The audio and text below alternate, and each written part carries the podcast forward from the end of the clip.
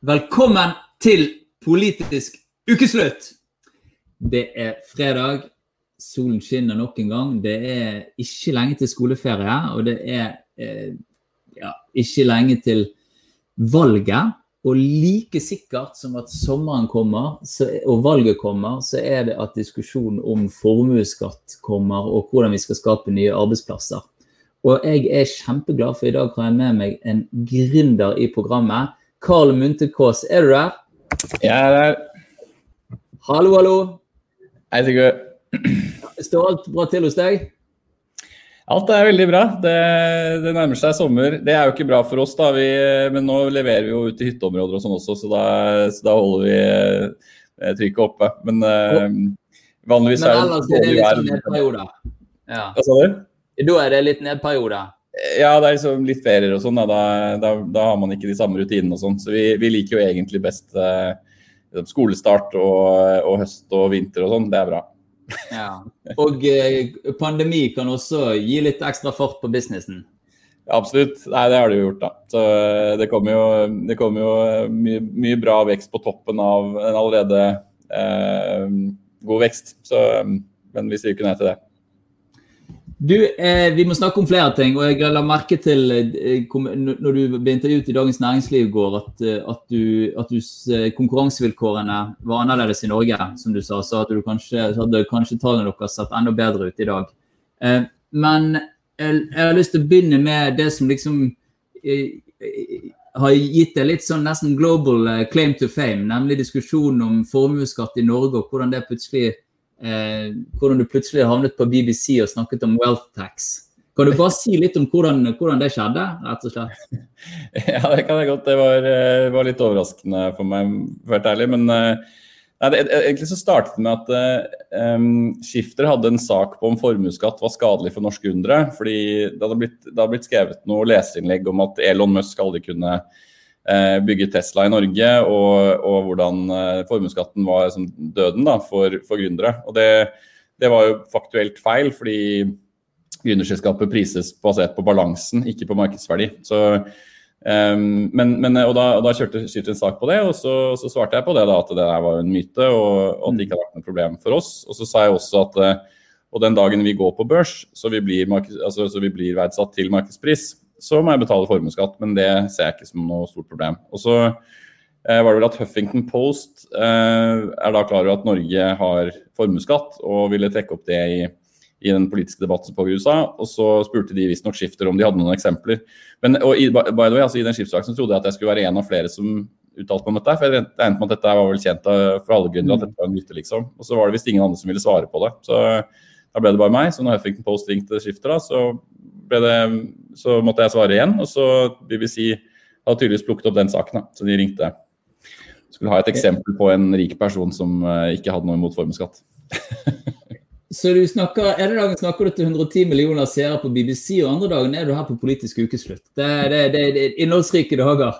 Ja, jeg la òg merke til uh, debatten du hadde på Dagsnytt 18 med en representant fra, fra mitt fylke, uh, Høyre, om formuesskatt. Og jeg synes Altså, det er noe selsomt med hvordan den diskusjonen foregår i Norge. For det, dere sitter øyensynlig og snakker om samme ting, en skatt. Og så er virkelighetsbeskrivelsen så totalt forskjellig. Mm. Hvorfor det, tror du? Nei, altså eh, Etter at jeg har vært i noen debatter rundt dette, her, da har jeg også fått en del mailer fra rederarvinger, men også eh, eiere av små hoteller og sånt noe. Eh, så, så, det som er ganske tydelig. Altså, for det første så må jeg si at jeg syns det er litt irriterende at høyresiden bruker disse, altså, bruker disse litt sånn sære eksemplene, Kjetting-Jan og sånn. Mm. Så har, hvis Forretningsmodellen din er å ha alle typer kjetting, så hvis du skal ha en kjetting, så kan du alltid dra til han. Ja, greit, da har du liksom 100 millioner verdt av kjetting på lageret ditt. Mm. Eh, hvis ikke du har nok avkastning på de, på de, kjettingene, så bør du selge dem. Altså, det er på en måte ikke en menneskerett at du skal kunne ha en virksomhetsforretningsmodell. Altså, um, men, men, eh, det, men, det, er helt klart at det er jo enkelttilfeller um, hvor formuesskatten gjør at eierne kan få et likviditetsproblem. Uh, og, og um, noen av disse familieeide hotellene er jo på en måte et eksempel på det. Men jeg, jeg la også merke til at i den debatten på Dagsnytt 18 så, så, så, sa Høyre-ordføreren at um, nei, altså, sant, det er en stor byrde da, for en familiebedrift å måtte betale en million i formuesskatt. Og så I neste setning så sier han at ja, men vi snakker jo ikke om 100-millionersbedrifter her. Eh, det er ikke de det er problem for. Og så angrer jeg på at jeg ikke tok han der og da og sa at eh, men du sa akkurat at det var 1 million, og sist jeg sjekka så er formuesskatten under 1% så du må være en 100-millionersbedrift for å få 1 million i formuesskatt. Og, så, og, og det, det, er det noen av disse her er, da, at de har eh, bokførte verdier og sånt på kanskje et par hundre millioner. Og da mm. får de, eh, etter fradrag og så, videre, så får de fort Og så må de selvfølgelig betale utbytteskatt på det de skal betale på formuesskatten. Mm. Og en liten multiplikatoreffekt der. Men, men, igjen så er på en måte det eh, Jeg er egentlig opptatt av formuesskatten av, av, to grunner. Eh, som samfunnsøkonom så er jeg opptatt av at skattene skal være effektive. Og effektive i, i denne sammenhengen betyr jo at det ikke fører til en stor vridning. Et eksempel på en vridning er at hvis du har for lønnsskatt på 50 så kan det være at dersom du har 500 kroner i timen i lønn, så kan det være at du i teorien da ikke velger å jobbe en time til, for du sitter bare igjen med 250 av dem. Hvis du hadde mm. vært å jobbe hvis du fikk 500, det, da, da, er jo det si, et, en, et timesverk da, som ikke realiserer seg fordi mm. du har en glidning i skatten. Det er et mm. skattetap. Og typisk så sier man at uh, i hvert fall i gamle dager, si, 15 år siden jeg studerte, så, så, så var det tommelfingerregelen at det var 20 uh, effektivitetstap per krone du tar inn i skatt man, altså BNP går ned. Man, man, mister økonomisk aktivitet med 20 av, av det man tar inn. Eh, på grunn av disse virkningene. Og det, det, det, er effektiviteten i skatten. Og formuesskatt er veldig effektivt fordi eh, man kan ikke vri seg unna det. Det er på en måte en regning jeg må betale. Det gjør jo selvfølgelig at jeg får mindre kapital som jeg ellers kunne reinvestert. Og det, det er noe man må se på. Altså at, klart hvis, du tar og, hvis du sier at de rike, da, eh, det mm. tas en del verdier fra dem, og det gis tilbake i reduksjon av andre skatter. Det er for øvrig et veldig viktig poeng at man må ikke blande de to tingene. Altså man må, når man skal diskutere formuesskatt, så må man ikke se på det som en ren skatteøkning. Du må, du, må si, du må, se det opp mot en reduksjon av andre skatter for at det skal på en måte være et poeng å diskutere. For det, det er et annet spørsmål om man skal øke eller senke skattetrykket. Det er, det er et annet spørsmål. Så Hvis man sier at man f.eks. reduserer eh, lønnsskatt da, eh, men, og øker formuesskatten, så vil det bety at da tar noen på en måte ut en en, en skje av på en måte min pengepinge, og så, og så mm. gir man det i lavere skatter på lønn. Og da, mm. igjen, fordi dette var en regning jeg må betale uansett, så kommer ikke jeg til å gjøre noe annet i min bedrift. Jeg kommer til å fortsatt gjøre de tingene som maksimerer profitten i bedriften. Det, det mm. kommer jeg til å gjøre uavhengig av hva jeg må betale i skatteregning. Men, men, men jeg, jeg, mister noe av min på en måte, investeringskraft. Men den går jo da tilbake til f.eks. lønnsmottakere. Og så er mm. spørsmålet om de da investerer dem. Hvis de bruker det til forbruk, så kan man få en effekt av at man kan få en lavere sparerate. Men det igjen er et, et annet spørsmål. Poenget er at man muliggjør i hvert fall da, for en mm. større gruppe å kanskje ta del i kapitalmarkedene f.eks. Og, og mm. reinvestere det. Og Da har du fått en redistribusjon som er akkurat det som man også er ute etter i skattepolitikken. Eh, og så har man eh, innført da en skatt som ikke har et sånt effektivitetstap, mens man har fjernet en lønnsskatt som har et effektivitetstap. Så jeg mener at formuesskatten er helt åpenbart samfunnsøkonomisk positiv i mine øyne, og det er det veldig mange økonomer som også mener. Og så har man alle disse eh, på en måte likviditetsutfordringene. Men Karl, jeg må bare spørre deg. For ja. at, altså det, Jeg til alt du sier, og samtidig så tenker jeg det er et eller annet med den skattedebatten. Den, den vekker altså så enormt sterke følelser i folk. Mm. Og da når vi, hvis, hvis, man da møter det med sånn, ja, et resonnement på seks minutter om effektiviteten i skatten og redistribusjon, så er det akkurat som i den politiske debatten. Det funker ikke. Rett og slett. Og det er leit, da. Fordi det er den debatten vi bør ha. ikke sant? Altså, fordi disse følelsene de er, altså, Dette er skummelt å si, det er sånn politikere i hvert fall ikke si det, men jeg tenker at disse følelsene er litt uinteressante. Altså, for, eksempel, for å ta et eksempel på disse følelsene som bobler opp. da. Eh, etter disse Dagsnytt 18-opptreden eh, så, så, fikk jeg mailer bl.a. fra en rederarving. Mm. Og, og, det var helt klart mye følelser der. Det de følelsene gikk på, det var at dette her var da tredje generasjon, eller fjerde generasjon arvinger som arvet da et rederi på begynnelsen av 90-tallet. Og var på en måte rasende over at jeg kunne mene at de måtte ta ut utbytte av sin bedrift for å betale denne formuesskatten. Og det mm. er det argumentet som alltid kommer opp. At er, ja, vi mm. må suge bedriften tom for penger for å betale skatten til eierne. Og så, og så kommenterte jeg at dette her hadde da, De hadde jo eid det da, disse tre søsknene hadde eid dette her i over 30 år. Og så var mitt poeng at men, da tar du bare for gitt at du må ta ut utbytte, at du ikke kan selge bedriften. Mm. Og, og, Det er et, måte, poenget. og Der er det to, to, ting. Det ene er at det er jo ikke alle bedrifter som er helt likvide. Mm. Men, men, for å ta selv et hotell, et familiehotell på, på, Vestlandet, så er det sånn at hvis de selger ti altså, Det er selvfølgelig kanskje litt kronglete å selge 1% av bedriften i året, men mm. selv da altså Hvis du ikke har et fritt overskudd, en fri kontantstrøm fra det til å betale dette her, så selg da 10 mm. av dette selskapet. I eksempelet vårt i stad, 200 millioner eh, i verdier, selger 10% av det, 20 millioner. Sett det på et indeksfond. Omtrent avkastningen på det indeksfondet er nok til å betale din formuesskatt. Mm. Så, men, og det er der, det er der liksom disse følelsene kommer inn. for det er nesten som at særlig arvinger av inntrykk av, har en slags idé om at de har liksom fått et en forvaltningsansvar. Jeg kan forstå det. ikke sant? Familiebedriften liksom, har gått i arv. Det er nesten som, som bønder som, på en måte, hvor gården aldri skal bli mindre. For hver mm. generasjon skal alltid bli litt større. Og Det er liksom bare en slags regel. Og akkurat som med, med, På samme måte så er disse arvingene det er på en måte en styggedom om de, om de må selge ned i den bedriften. Mm. Og da tenker jeg, hvorfor det?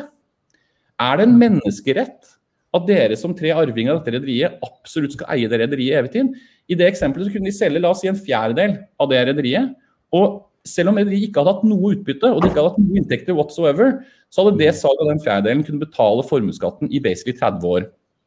Uten, uten, avkastning. Altså Da har du ikke regnet inn avkastning på de 25% Du har ikke regnet med utbytte fra bedriften. Ingenting. Det er, liksom, det er på en måte worst case, virkelig. Eh, og, og, og det, er, det, blir de helt de har nisk over. Og, og, det lurer jeg på, er det et eller annet med at hvis du er født inn med penger, så er det et stort fall? For jeg klarer ikke å se det samme i min situasjon. Kanskje det er for at jeg kom fra ingenting. Og det er liksom litt sånn easy come, easy go, muligens. Altså, jeg, jeg, hvorfor skal det være så fryktelig mye vanskeligere for disse arvingene å selge seg ned i disse familiebedriftene enn at jeg skal selge meg ned i det selskapet jeg selv har startet og skapt? Mm det, det, forstår jeg ikke. og, det, jeg, og det, Så da koker det ned til meg til en helt sånn irrasjonell følelse som vi bare støter på igjen og igjen og igjen. Men det må man på en måte bare unnskyld språket, bare drite i. Og si at jo, men det, vi, vi, det er jo vi som skaper dette samfunnet her. Altså, La oss skape det samfunnet som gir best mulig effektive skatter og effektiv redistribusjon. Og Det siste det må vi ha. Og hvis ikke vi har formuesskatt, så får vi ikke det til. Og det, og det, for det, at det finnes jo andre som har følelser også. Og Det kan jo f.eks. være folk som da ikke har en, er i en sånn posisjon at de betaler 1 million i formuesskatt fordi de har verdier for over 100 millioner kroner. Det kan være folk som derimot ikke har en krone i formue, og som føler at samfunnet bare suser av gårde, mens de står igjen på perrongen med en veldig tøff jobb. Nettopp. Eh, du, vi kunne holdt på sykt lenge, kjenner jeg. Men, men, men hvis, vi, eh, hvis vi ikke hvis den formuesskattdebatten, da, hvis vi sier at vi ikke hadde brukt så fryktelig tid på, på den, hva ville du sagt, hva burde vi virkelig diskutert for, for, hvordan vi skal skape nye verdier, nye arbeidsplasser, flere gründere, sånn som, sånn som du selv har vært? Nei, altså, for, eh, for å, Jeg liker å skaffe meg fiender på alle sider av det politiske spekteret. Så, så jeg, er jeg er en sterk tilhenger av av, av, av, litt sånn hardhendt, eh, kraftig redistribusjon, men effektiv redistribusjon med formuesskatten. Men jeg er veldig opptatt av at vi skal skape verdiene først. Og um, Det er noen ting ved systemene våre som ikke gjør det. En ting som er veldig fristende å snakke om, det er prisdiskriminering. Men det er egentlig, det går med på, på måte, konkurranserett. Uh, det, er, helt avgjørende for at en, en, en, en fri økonomi uh, skal fungere, og for at konkurransekraftene skal fungere så må man eh, regulere disse dominerende leverandørene. Så det er noe at Når man blir stor nok, stor, mm. at man har så mye markedsmakt, så har man i praksis mulighet til å stenge ute konkurrenter. og Det som skjer i dagligvarebransjen, er sagt litt enkelt at veldig store leverandører, sånn som Lilleborg, som har over 90% i sin kategori, de holder i praksis andre kjeder ut av markedet. I bytte mot det så holder Norgesgruppen, deres største kunde, holder andre leverandører ut av markedet.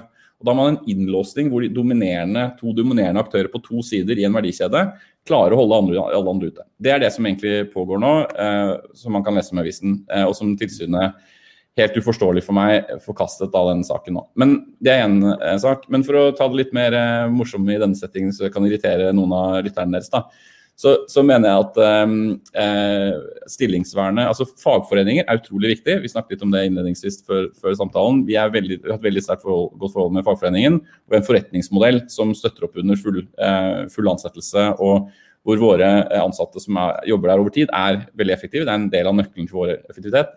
Mm. Når det er sagt, så mener jeg at eksempel ting som stillingsvern og karensdager og sånt nå eh, er kontraproduktivt i Norge. Vi har altfor høyt sykefravær sammenlignbart eh, i industrien i Norge versus industrien i Sverige. Og der er det fordi at man mister faktisk noe lønn hvis man er syk. Og du kan si at det er urettferdig, men man kan ikke se bort ifra at mennesker også er delvis drevet av insentiver. Det er ikke sånn at man gjør alt uavhengig av liksom hvordan man lønnes for det. Og det er, jeg mener at lista er for lav altså, til å bruke, eh, bruke egenmeldinger og den type ting. Eh, så, så, der er vi nødt til å skru litt på det systemet. Og så mener jeg at det kan gjøres uten at det egentlig går utover Eh, arbeiderne i, i, snitt. Vi kunne eh, hatt et lønnsoppgjør eksempel, som var veldig sterkt et år, i bytte mot mm. at eh, egenmeldingsdagene eh, forsvant, til at man hadde karensdager hvor man måtte betale, eller hvor man mistet noe av lønnen sin for å være syk. Jeg tror man kan, man kan nulle ut det og likevel sitte igjen med en gevinst ved at man får større deltakelse. Da. Eh, ja, men det er, godt, det er godt vi er uenige om noe. Jeg, jeg, eh, jeg tror jo f.eks. en av grunnene til at det gikk så ille med Sverige under pandemien, var at de har karensdager, og, og, at folk får kutt i sykelønn og derfor blir tvunget til å gå på jobb. Og jeg, for øvrig jeg hadde en veldig interessant boksamtale i går i denne boken 'Økonomisk og sosial ulikhet i Norge'. Og Knut Halvorsen, som har skrevet den, han har forsket på folks motivasjon på arbeid. og han finner jo at, og dette er jo du sikkert helt enig i, Eh, at det er jo veldig mye rikere enn lønn. Det er veldig mange andre grunner til at vi går på jobb. Helt klart. helt klart. Eh, men den, vet du hva, vi, vi, tar gjerne en sykelønnsdebatt, så skal vi invitere deg til den òg. Eh, jeg lurer på Jeg la merke til at når du lanserte Oda i Europa altså Dere har jo mål om å vokse, jeg skjønte i Tyskland og Frankrike kanskje spesielt, men i hvert fall ja, i flere europeiske land. Tyskland og Finland. Eh, så sa du noe om at dere vil ta med det gode forholdet til klubben, eh, handel og kontor i ditt tilfelle, ut i Europa. Eh, mm. Hva, altså, den europeiske fagbevegelsen er jo svekket i forhold til den norske. Du, hva tror du? Tror du du liksom får dere det til?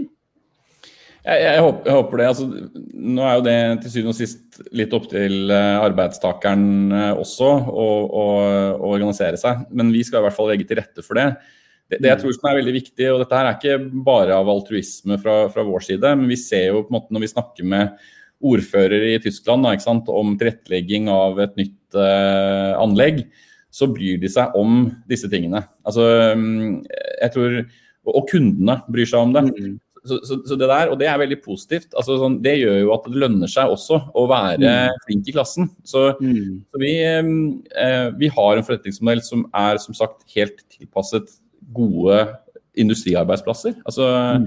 eh, trygge, bra, produktive, eh, godt lønnede. Mm. Eh, og det, vi er ikke avhengig av en, en, en slags eh, liksom løsarbeidersamfunn hvor, hvor, man ikke vet hva man kommer til å tjene i morgen. For oss så, så er hele effektiviteten basert på at vi tar inn bestillinger dagen før. Da får vi planlagt eh, fulle skift. Og Vi har jo også mye automasjon. ikke sant? Dette øker produktiviteten til arbeiderne. Eh, at man har investert mye kapital i produksjonsanlegget. Det betyr også at da ønsker man å bruke det så. Eh, større deler av døgnet. Så vi har to, til og med tidvis tre skift hvor vi som bruker maskinene mye. Høy produktivitet. Um, mens en del av de konkurrentene våre f.eks. i Tyskland, og som delvis også i Norge, selv om her er det for så vidt ryddigere forhold, da, men, men, eh, men, ute på kontinentet så er det mye av disse instant delivery, mm. hvor hele etterspørselen eh, etter tjenesten da, skjer i noen få timer av døgnet.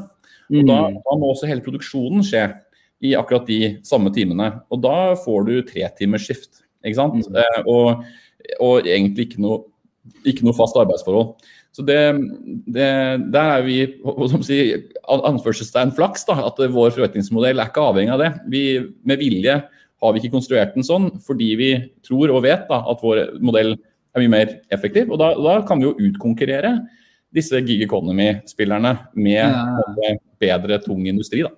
Men, men, men, siste spørsmål, på en måte. Eh, Jeff Bezos er jo blitt verdens rikeste mann. på å, altså Han opererer jo jeg vil ikke si han driver med det samme som dere, men det, jo, det, jo, det vil vel være noen likheter i forretningsmodell og sånn. Også bare at det er mm. i, i, en skala som er helt gigantisk. Og der jobber jo de ekstremt aktivt for å motvirke fagorganisering. Ja, jeg syns det er synd. da, for at uh, altså, Mine følelser til Amazon er, er, delt litt sånn sett. Jeg, jeg blir jo mer liksom, liksom skuffet og lei meg når jeg hører de nyhetene der. for at det, vi må ikke glemme at Amazon har skapt noe enormt med verdi. ikke sant? Altså, eh, 50 av all netthandel i USA. Eh, kundene sparer vanvittig med tid, får lavere priser. altså Vi må huske det altså, når vi snakker om Amazon. Eh, og så er det veldig dumt, og jeg mener helt unødvendig, at Amazon mm. driver eh, unionbusting eh, på den måten. Um, men her, her, må jeg si at eh, jeg er også glad for at vi ikke Altså, det er vanskelig, da. fordi at det, Poenget er at i Norge så er det lett å være snill og grei og flink, fordi jeg vet at eh, de lønningene som vi betaler, det må konkurrentene våre også betale. I en verden hvor du ikke har dette liksom, trepartssamarbeidet, så blir det mm. fryktelig vanskelig å være bedriftsleder fordi, du, fordi konkurrentene dine eh, fort blir sånn race to the bottom. De, mm. de betaler lavere lønninger, så blir du utkonkurrert. og Det, det hjelper på en måte ikke arbeiderne dine eh, å, å, gi dem høye lønner hvis det gjør at de mister jobben. Så, så, men, men, Amazon har jo vært i en posisjon mener jeg, hvor de kunne tatt mer, eh, ledet mer an, og, og, og, heller faktisk lobbet mot myndighetene om å øke minstelønninger. da. For det er, ikke, det, er jo ikke på lønn vi skal vinne, vi skal vinne på effektivitet. Og, og, og lenge, og, da tenker jeg at det er Jeg kan på en måte få i pose og sekk ved å være en tilhenger av gode, gode tariffløsninger. fordi det gjør jo at mine konkurrenter også betaler en høyere lønn, og så slipper vi altså Da kan vi alle bygge lønnsomme bedrifter mm. og, og, effektive bedrifter uten å måtte få dette stempelet på seg. Altså Jeg skjønner ikke hvordan, liksom, hvorfor gidder Jeff Bezos, verdens rikeste mann, å ha så mye misnøye med han som person pga. disse tingene her. Altså, han har nok penger, så, så betyr ikke liksom uh, omdømmet noe. Liksom. Tenk, tenk, altså, det, jeg, jeg, får ikke til å stemme sånn, sånn rent rasjonelt heller. Um, så er det jo ålreit å bo i et samfunn der flere har det bra, da kanskje. Det, ja, det, det, ikke sant? Altså, det var litt av det poenget mitt på BBC. Jeg har en, en kompis som har drevet e-handel i, i uh, Latin-Amerika og i Mexico. Og Han gjorde det noen år, men så kunne han ikke bo der. fordi da blir jo barna hans kidnappet på vei til skolen. ikke sant? Og det er en ganske stor kostnad. Altså, Hva hjelper det å ha 101 millioner i stedet for 100 millioner når barna dine blir kidnappa. Og så vet jeg at det, det, er ikke Det er liksom ikke Det er jo ikke bare den, tilbake til den formuesskatten, så er det jo ikke bare det som gjør at vi har utjevnet forskjellene i landet. Men man, disse tingene skjer over tid. altså Sånn som den ProPublica-saken. Eh, problemet for disse rike, som jeg syns bare er så kortsiktig, da, er at eh, når, de, når, de holder på sånn, så til slutt så blir folk så forbanna, med rette, da, at de mm. selv betaler, når de selv betaler 50% av sin inntekt, Eh, mm. og så er det en som da tjener vanvittig mye mer, som betaler tre. Så, så blir folk sinna. De føler de får ikke, Det er to grunner til å få på sinna. At de føler at de ikke får noe igjen for skattepengene sine. Eller at de um, ikke uh, føler at andre ikke bidrar. Og det kan jo uh, få ting til å gå opp i limet. Jeg tror aristokratiet i Russland på begynnelsen av 1900-tallet de angrer på at de ikke betalte formuesskatt de foregående 20 årene. Når liksom mobben sto der. Med, ja, det sånn, ja, ja. Det var, så du ville ikke gi fra deg 1% så nå tar vi alt. Ikke sant? Og bare ødelegger, også bare for å være tydelig på at jeg ikke er en kommunist, selv om jeg blir beskyldt for det tidvis, så ble jo hele samfunnet ødelagt da, etterpå. Så ingen vant. Nei, det er nettopp det. Du, Karl Mynte Kaas, du har greid å sprenge grensen for politisk ukeslutt med mange minutter, men det var ekstremt eh, artig å ha deg som gjest. Eh, lykke til videre med gründerprosjektet ditt, reisen ut i Europa og fortsatt vekst for selskapet. Bare hyggelig. Tusen takk. Ha det godt. God helg.